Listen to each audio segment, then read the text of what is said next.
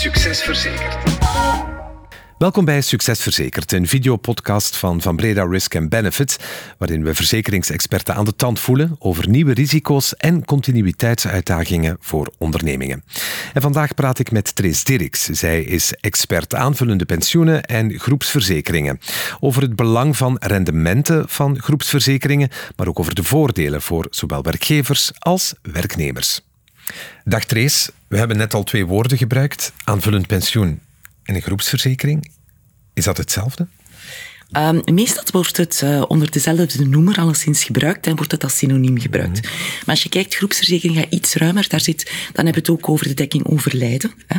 En hier gaan we het, het aanvullend pensioen, is natuurlijk als je leeft op pensioen. Mm. Dus dat gaat dan louter als je op pensioen gaat. Dan pikken we daar meteen op in. Ja. Wat is een aanvullend pensioen? Een aanvullend pensioen is eigenlijk, zoals het woord het zegt, een pensioen uh, aanvullend op het wettelijk pensioen dat de werkgever voorziet voor zijn werknemers. Mm -hmm.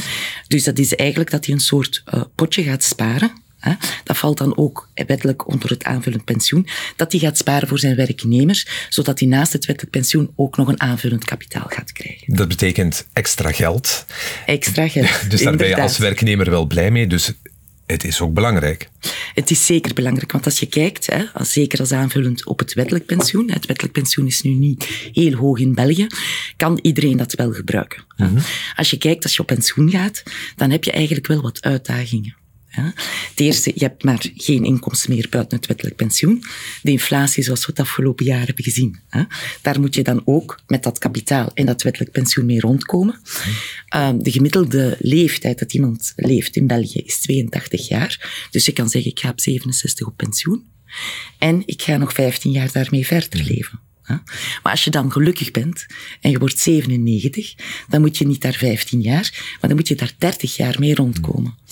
Het andere is ook, allez, je kan ook terechtkomen als je altijd gezond bent, prima. Mhm. Maar je komt ook in woonzorgcentra terecht. Ook daar kennen we een stijging eigenlijk in alle uh, uitgaven dat je daar moet aan besteden. Dus in die zin is dat voor mij heel belangrijk. Ja, het is geen overbodige luxe om geen een extra potje te hebben. Nee. Je zei net, het is de werkgever die dat eigenlijk voor jou regelt. Maar wat heb je daar als werknemer eigenlijk over te zeggen? Bijvoorbeeld over het bedrag dat daarin kruipt? Um, het is zo georganiseerd binnen België, hè, dat heeft ook een bepaald fiscaal statuut, dat je als werkgever uh, dat moet doen voor een deel van uw werknemers, of voor al uw werknemers. Dus het, het moet? Als je het doet, moet je het voor die soorten werknemers doen. Dus je moet een objectieve categorie onderscheiden. Bijvoorbeeld, ik ga voor mijn kaderleden, mijn bedienden en zo verder een groepsverzekering. Ja? Als je dan bijvoorbeeld in dienst komt, dan moet je daar ook in toetreden. Dus het is eigenlijk een collectieve voorziening die de werkgever doet voor ofwel een deel van zijn werknemers, voor alle werknemers, waar je dan automatisch instapt. Maar je kan niet discrimineren, om het zo te zeggen, binnen nee. dezelfde groep. Nee, het moet altijd heel objectief en zo verder. Mm. Je kan en als je in dienst komt, moet je er wel op intekenen. Ja, inderdaad. Ja. En heb je als werknemer iets te zeggen over het bedrag wat daar dan ingaat? Of is het de werkgever die eigenlijk alles beslist? Ja, meestal is het de werkgever dat kan ook zijn dat dat samen in overleg met de vakbonden geweest is en zo verder. Maar het is bijvoorbeeld een vast percentage van het salaris. Dus van uw maandloon bijvoorbeeld 5%, 6%. En dat is de werkgever die het vastlegt. Ja, mag je als werknemer zeggen, goed, 5% prima, maar doe maar 8 bij mij. Mag je meer? Minder zal niet mogen, maar mag je meer? Dat is feitelijk genoeg niet aan de orde. Ook, allez, dat is door de wetgeving die heeft gezegd, er mogen persoonlijke stortingen zijn, maar terug opnieuw voor iedereen hetzelfde percentage. Fiscale voordelen zijn er aan verbonden, want we hebben het nu over de werknemer gehad en wat hij al daar niet over te zeggen heeft. Ja. Maar voor de werkgever zijn er wel fiscale voordelen aan dat aanvullend. Voor de werkgever zijn er in die zin fiscale voordelen dat je iets minder RSZ betaalt eigenlijk dan dat je mm. allee, bovenop een loon, mm. wat je normaal bovenop een loon als werkgever, dat dat percentage lager is als bij een groepsverzekering. Maar het grootste voordeel zit bij de werknemer, die in plaats van als je ziet bij een loonsopslag toch maar 50% overhoudt, mm. hier spreek je al gauw over 80 of meer. Ja. Is het interessant voor iedereen? Daarmee bedoel ik voor elke werkgever en elke werknemer? Ik vind wel, want eigenlijk iedereen zit in dezelfde situatie. Iedereen gaat op wettelijk pensioen en iedereen heeft een aanvullend kapitaal nodig. Wat je wel merkt, dat is dat grote ondernemingen daar al heel lang mee bezig zijn. En die voorzien dat eigenlijk meestal voor al hun werknemers en hebben eigenlijk ook een riantplan. Als je ziet naar de KMO's, dat komt meer en meer in opgang.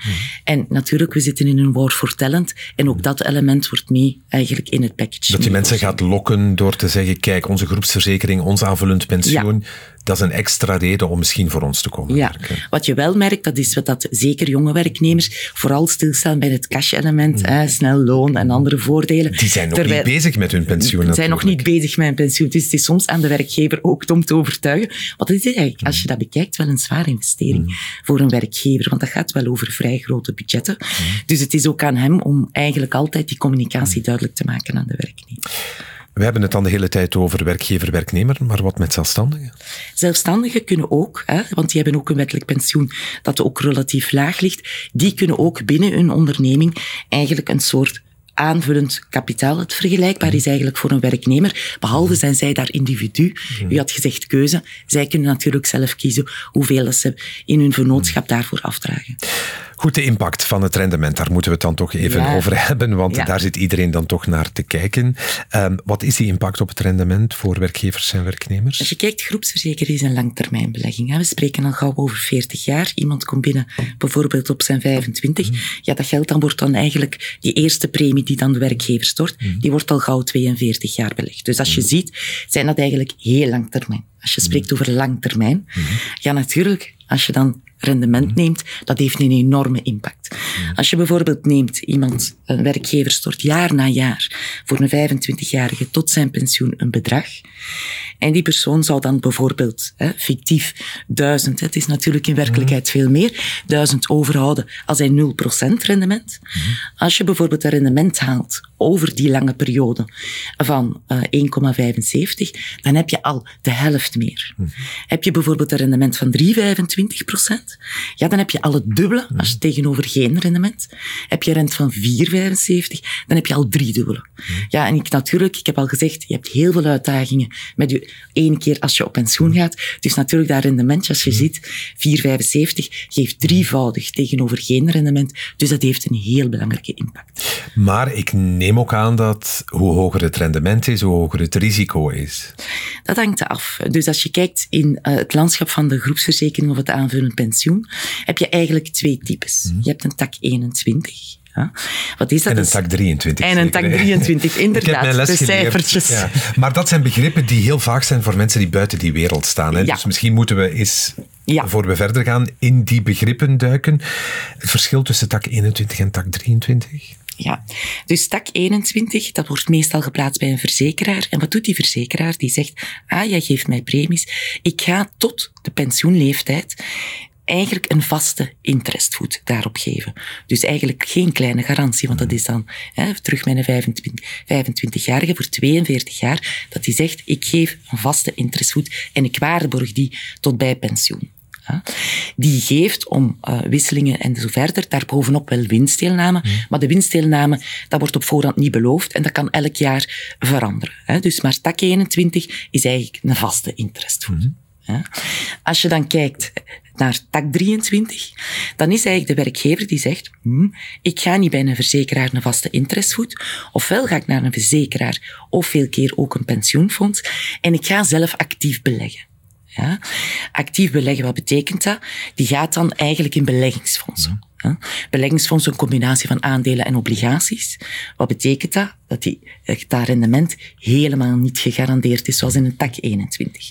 Dat kan zelfs negatief gaan, maar algemeen, door het feit dat je ook risico meer neemt, om eigenlijk op je vraag wat u naar alludeert, ja, dan geeft dat eigenlijk een verwacht hoger rendement, maar wel met risico's. Want dus een tak 23 is risicovoller dan een tak 21? Ja, dus zonder interestvoetgarantie zelfs geen kapitaal vast, want je kunt ook negatief rendement halen. Ja, en de werkgever moet daar, neem ik aan, ook open over zijn. Hè? In welke tak je je werk werknemer mee gaat beleggen, om het ja, zo te dus zeggen. communicatie is belangrijk en hij heeft er ook een aantal verplichtingen toe om eigenlijk wat hij belooft aan zijn werknemers, als een werknemer erachter vraagt, dat hij er heel transparant in is. Hoe dat, dat eigenlijk uh, in elkaar zit, het percentage van het loon en ook uh, wat zijn de rendement is dat hij kan verwachten of het onzekerheid. Maar dan moet hij wel aanduiden hoe dat, dat juist in elkaar zit. Ja. Nu ga ik waarschijnlijk een vergelijking gebruiken die niet helemaal opgaat. Ja. tak 21 vaste rentevoet als je een lening afsluit bij de bank, tak 23 een variabele rentevoet. Ja. Je kan als persoon, als je een huis hebt gekocht en je lening, kan je switchen tussen variabele en vast als dat om de zoveel termijnen ja. voorkomt. Is dat bij tak 21 en 23 ook zo? Kan je uh, binnen die groepsverzekering ook gaan switchen? Um, je kan eigenlijk wel, uh, dat bestaat, de mogelijkheid tussen een combinatie van tak 21 en tak 23. Het komt zelden eigenlijk voor -hmm. dat de werknemer zelf mag kiezen Hè, hoe dat hij switcht. Want anders zou je heel veel risico nemen. En daar kom ik misschien strak, want dat heeft wel een aantal belangrijke nadelen voor de werkgever. En, dus meestal is het vast, maar het kan. Ja, en wat als verschillende werkgevers storten bij verschillende externe partijen? Als uh, meestal beperkt hij zich tot één voor die bepaalde categorie. Hè? Het kan wel zijn dat hij zegt, kijk, rendement is voor mij belangrijk. Hè? En ik heb gekozen ofwel voor een pensioenfonds ofwel voor een verzekeraar. En ik wil die veranderen. Die mogelijkheid bestaat, voor zover hij daar transparant ook is naar zijn werknemers en zo verder. En dan gaat hij dus eigenlijk ofwel een ander verzekeraar of naar een pensioenfonds gaan. Ja, maar je moet het als werknemer centraliseren dan? Nee, dus als werknemer moet je eigenlijk zien over zijn carrière. Ze blijven nu meer altijd nog bij ene werkgever. Nee, want dus, wat gebeurt er in dat geval? Ja. Stel, je gaat zelf weg bij een bedrijf of een bedrijf zegt, kijk, wij kunnen niet meer verder samen. Ja, dat potje is belegd, dat staat daar. Krijg je dat mee als je weggaat bij een werkgever? Dus dat is eigenlijk van als werknemer, dat is eigendom van u. Je kan er wel nog niet aan, je moet eventjes wachten tot aan je pensioen, maar het is wel volledig eigendom. Je vertrekt bij, het, uh, bij je werkgever, ja, dan worden er geen premies op gestot, dus dat potje blijft staan. Wat kan je daarbij doen? Je kan dat meenemen naar de volgende verzekeraar. Mm -hmm. Maar het kan zijn dat die lagere interestvoeten aanbiedt. Dus er zijn veel werknemers, zeker de laatste jaren, die eigenlijk dat gewoon bij die verzekeraar of bij die, dat pensioenfonds laten staan. Maar niet meer bijstorten. Maar niet meer bijstorten, want het, het, ze vallen niet meer onder de werkgever. Maar je kan het ook niet privé bijstorten dat je aan je voormalige werkgever dan zit je zegt... terug, Ja, dan zit je meer bij het pensioensparen en zo verder. Mm. Dus je kan dat daar eventueel aan koppelen, maar meestal wordt daar niet meer in bijgestort. Wordt het soms uitbetaald als iemand vertrekt bij Dat bedrijf? is niet meer mogelijk. Was vroeger wel mogelijk. Hmm. Nu moet je echt wachten tot je op je wettelijk pensioen gaat opnemen. En waarom is dat?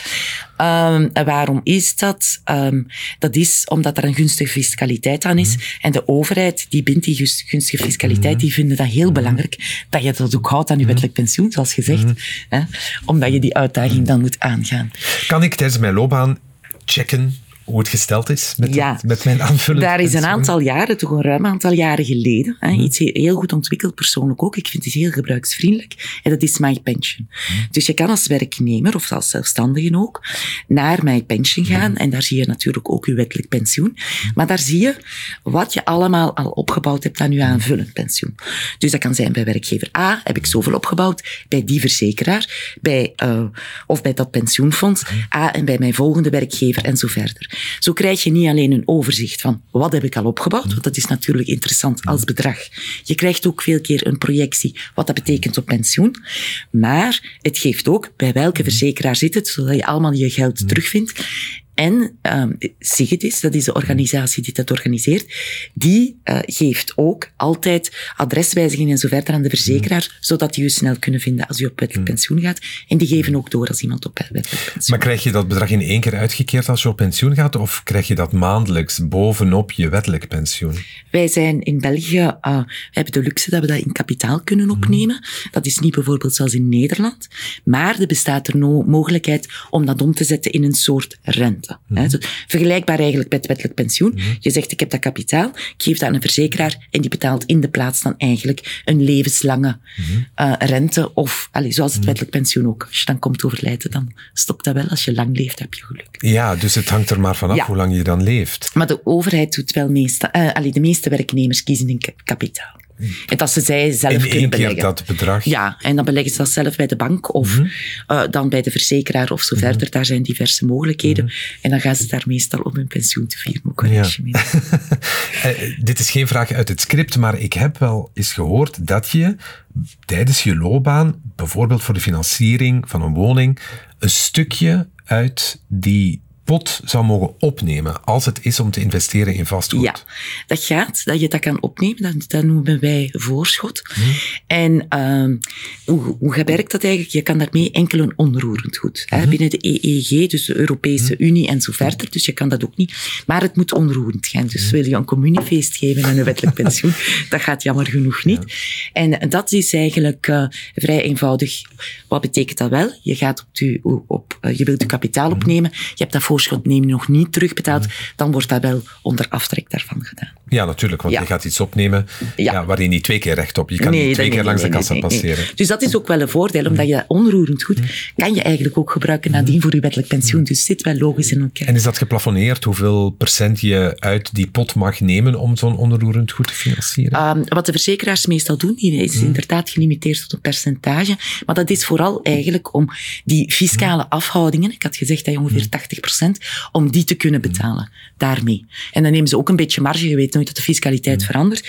Dus, maar voor de rest eigenlijk mag je dat uh, bijna volledig opnemen, voor zover je dat kan onderschrijven dat dat, dat, dat aangewend is voor een onroerend goed. Maar dat moet je wel even met je werkvorder bespreken dan. Om dat in Eigenlijk gang niet. te Dat kan je rechtstreeks eigenlijk met de verzekeraar opnemen. Het moet wel voorzien zijn in het reglement. Dus de werkgever moet dat voorzien als een mogelijkheid, gebeurt courant, dat die mogelijkheid bestaat. Maar voor de rest mag eigenlijk die werknemer daarvoor rechtstreeks contact opnemen. Wat met iemand die, je zei het al, de carrière is van 45 jaar bij Ja. dezelfde baas, die vinden we niet zo vaak meer. Hè? Heb je dan op het einde van carrières mensen die bij 6, 7, 8 groepsverzekeringen zijn aangesloten? Dat gebeurt inderdaad. Ja, is vrij courant, want ja, elke werkgever beslist waar hij eigenlijk zijn groepsverzekering is plaatst. Maar is dat wel verstandig? Want je begint elke keer opnieuw van nul. En natuurlijk, als je langer bij een bedrijf blijft, dan heb je veel meer geïnvesteerd, letterlijk en figuurlijk, waardoor je rendement misschien hoger is. Want als je acht keer van bij het begin met een minimaal kapitaal hebt belegd, heb je misschien niet dezelfde pot als dat je bij één bedrijf was gebleven. Dat is een heel goed punt, want daar is ook nog een addertje dan voor uh, de werkgever. Dus eigenlijk, als je puur naar rendement wat de verzekeraar of het pensioenfonds voorziet, meestal zit daar niet veel verschil op. Hè? Dus je blijft nog altijd interesse genieten, je blijft nog altijd rendement halen. Maar de overheid heeft gezien, omdat het zo belangrijk is, het aanvullend pensioen, dat daar eigenlijk, dat je ook een mooi kapitaal krijgt op het einde, heeft de overheid voorzien dat de werkgever, hè, zolang je in dienst bent, een bepaald minimumrendement moet garanderen. Oké? Okay? Als de verzekeraar dat niet haalt, dan moet de werkgever dat bijpassen. Ja?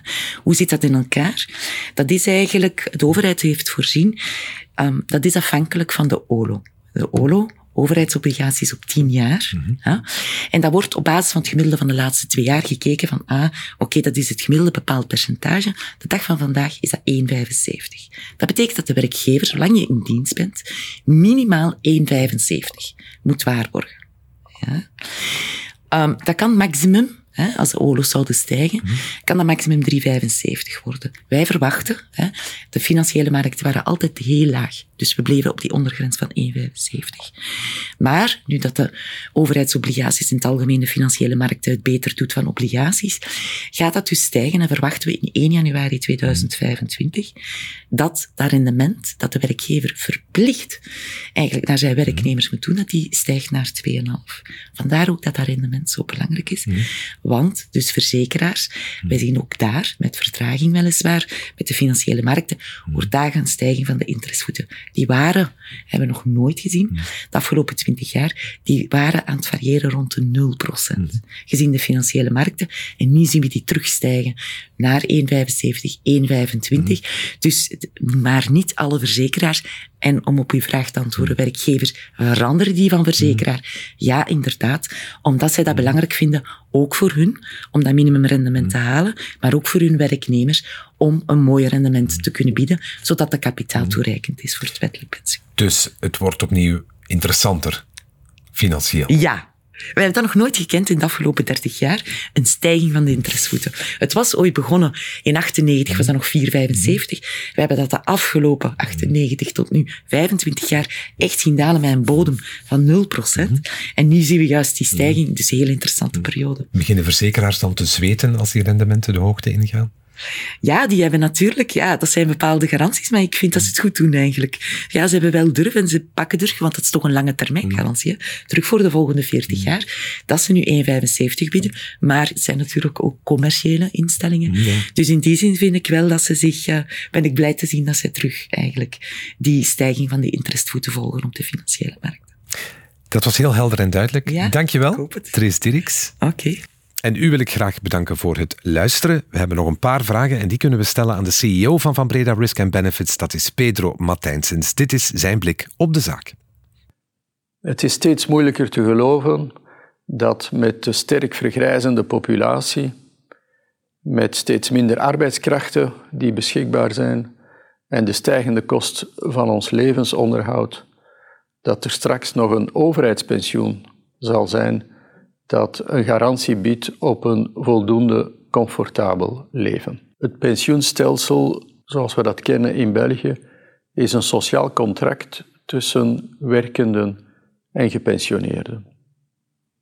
En het is dus van cruciaal belang om ons af te vragen hoe gaan we binnen 10, 20, 30, 40 jaar ervoor kunnen zorgen dat gepensioneerden voldoende inkomen hebben om comfortabel te leven. Daarom is vandaag het belang groter dan ooit dat werkgevers en werknemers tezamen een voldoende hoge bijdrage kunnen doen voor een aanvullend pensioen met een hoog rendement en dat voor zoveel mogelijk mensen.